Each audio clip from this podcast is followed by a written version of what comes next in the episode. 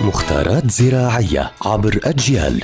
نتعرف في كل حلقة على سر من أسرار عالم الزراعة وفلاحة الأرض مع المهندس الزراعي مجدي عبد الله يعطيكم ألف عافية. أهلا بكل متابعي ومتابعات أجيال عبر منصاتها المختلفة. رح نحكي اليوم عن موضوع مهم وضروري وهو نثر البذور والحراثة دائما يفضل إن في عملية نثر البذور والحراثة أن نحرث الأرض ومن ثم ننثر البذور وليس العكس. مثلا بذور الفول بذور الفاصوليا بذور البصل.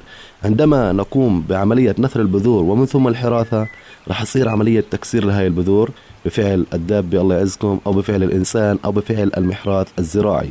فدائما يفضل حراثي ومن ثم نثر البذور مشان نتجنب عملية تكسير البذور. ومن أجل أن نتحكم في عملية وضع البذور لأنه يجب أن تكون عملية وضع البذور بمقدار ضعف حجمها. يعني مثلا عندي حبة الفول توضع في التربة بمقدار ضعف حجمها.